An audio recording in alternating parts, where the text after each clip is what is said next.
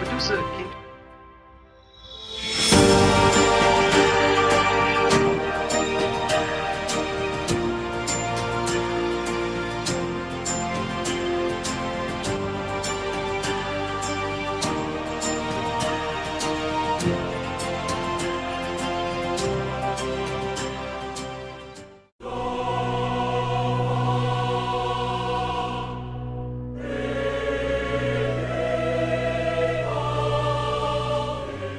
Osmanlı İmparatorluğu'nda Medusa olayları ve detayları. Sırlar Alemi kanalından yine çok ilginç, yine merak uyandıran ve yine gerçek olduğuna inanamayacağınız bir İstanbul'un sırrıyla karşınızdayım. İstanbul, o kadar büyük ve tarihte o kadar çok olaya şahitlik etmiş ki neredeyse hangi taşı kaldırsanız altından bir destan, bir efsane ya da bir olay çıkıyor.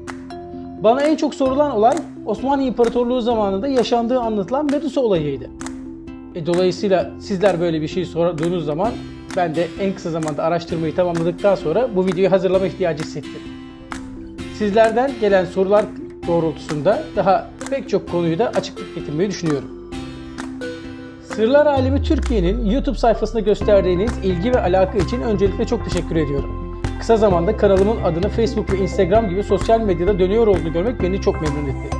Bu tarz videoların daha fazla gelmesini ve araştırmalarımın daha derinlere inerek yapmamı istiyorsanız kanalıma abone olmayı, izlediğiniz videoyu beğenmeyi ve paylaşmayı ve mutlaka kanaldaki bildirim ziline basmayı unutmayın.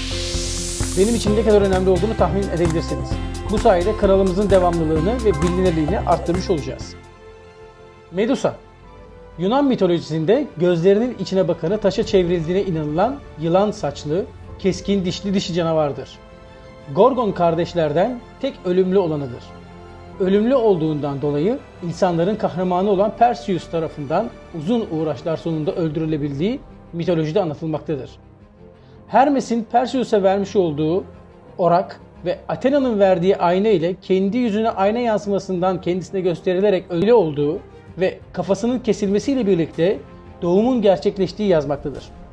Medusa'nın en önemli özelliklerinden biri de yere damlayan her bir kan damlasının yılana dönüşerek düşmanına saldırmasıdır.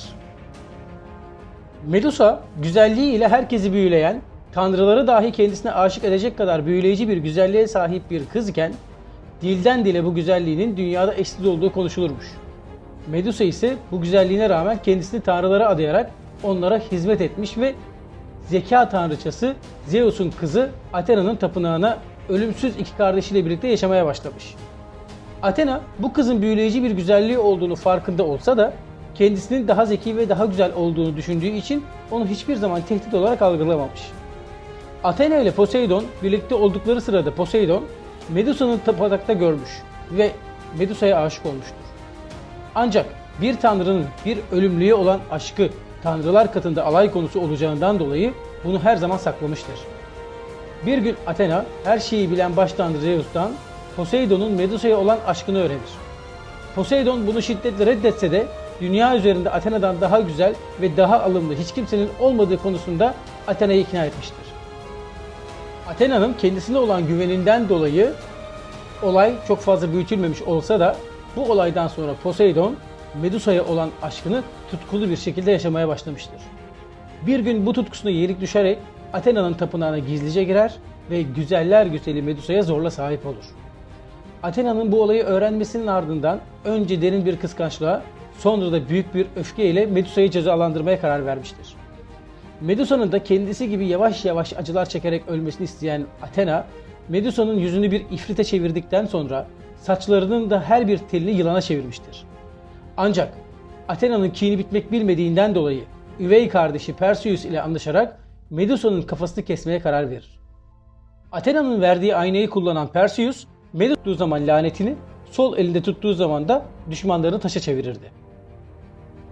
İşte Yunan mitolojisine göre Medusa'nın hikayesi böyledir. Anadolu'ya baktığımız zaman benzer hikayelerin olduğuna rastlarız. Bunlardan en çok bilinen insan kafalı, yılan vücutlu ve Antakya tarafında mağaralarda yaşadığına inanılan Şahmeran efsanesidir.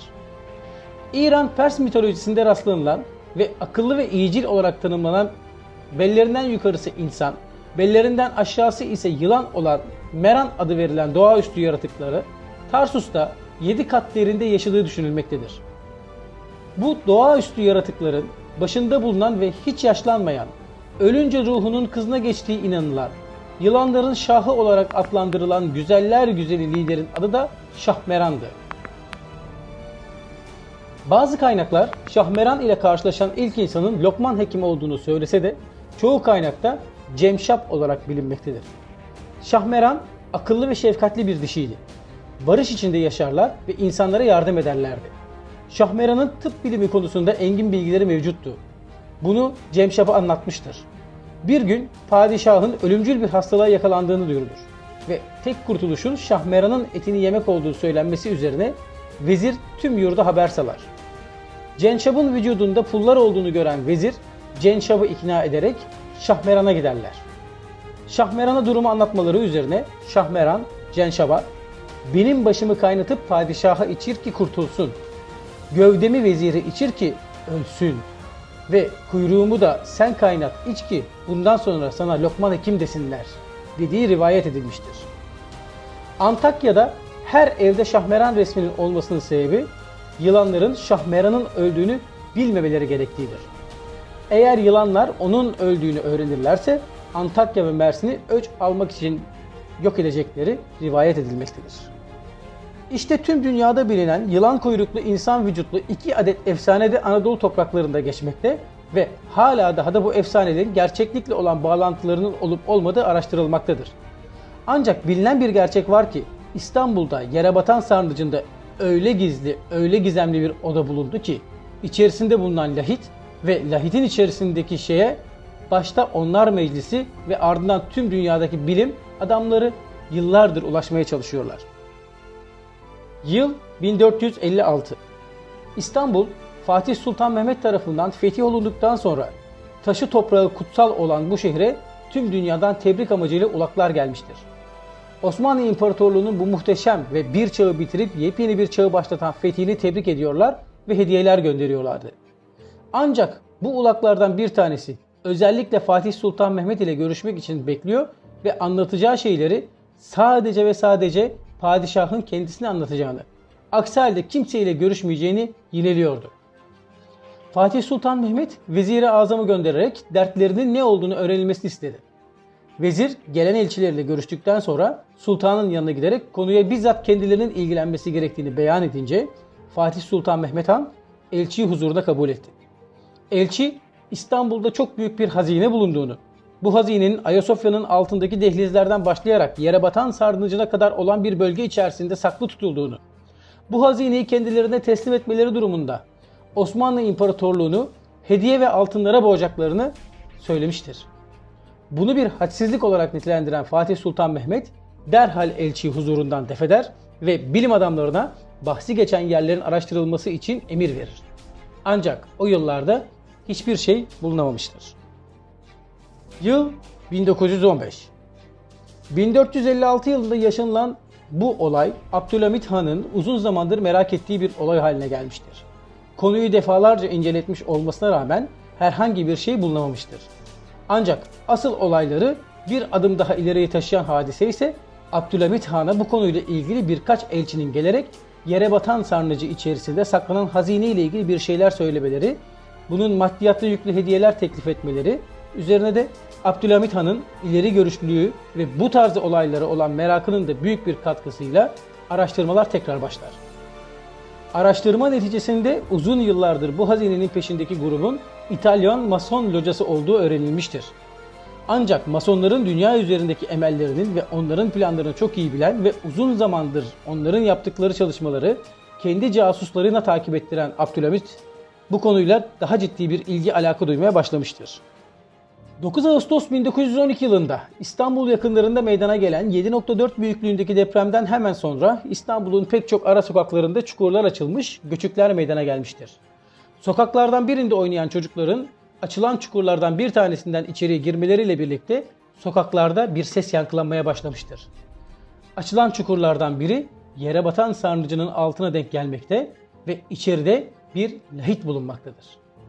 Bu lahit o kadar büyüktür ki çocuğu korku ve hayret içinde bırakmıştır. Derhal çocuğun olduğu yere Abdülhamit bilim adamlarını gönderterek o bölgenin açılmasını emretmiştir. Çukur açıldıktan sonra Abdülhamit ve yanındaki bilim adamları Lahit'in yanına gelerek açılmasını emretmişlerdir. Lahit'in açılması ile birlikte içinden çıkan mumya tüm görenleri hayret içerisinde bırakmıştır. Lahit'in içerisindeki yeni yeni çürümeye başlamış olan insan bedeni ve insan başına sahip ancak ayakları yılana benzeyen çok büyük bir ceset bulunmaktadır. Abdülhamit Han derhal lahidi ve cesedi çıkartarak incelemelerin yapılması için saraya getirilmesini buyurmuş olsa da daha sonra halkın kendi arasında konuşmalarına şahit olmuştur. Halk içerisinde Şahmeran'ın mezarının bulunduğuna ve şehre lanet yağınacağından korkmaktadır. Bir kısım halk ise Medusa'nın mezarının bulunduğunu ve kendilerine şifa getireceği konusunda dedikodular yapmaktadır.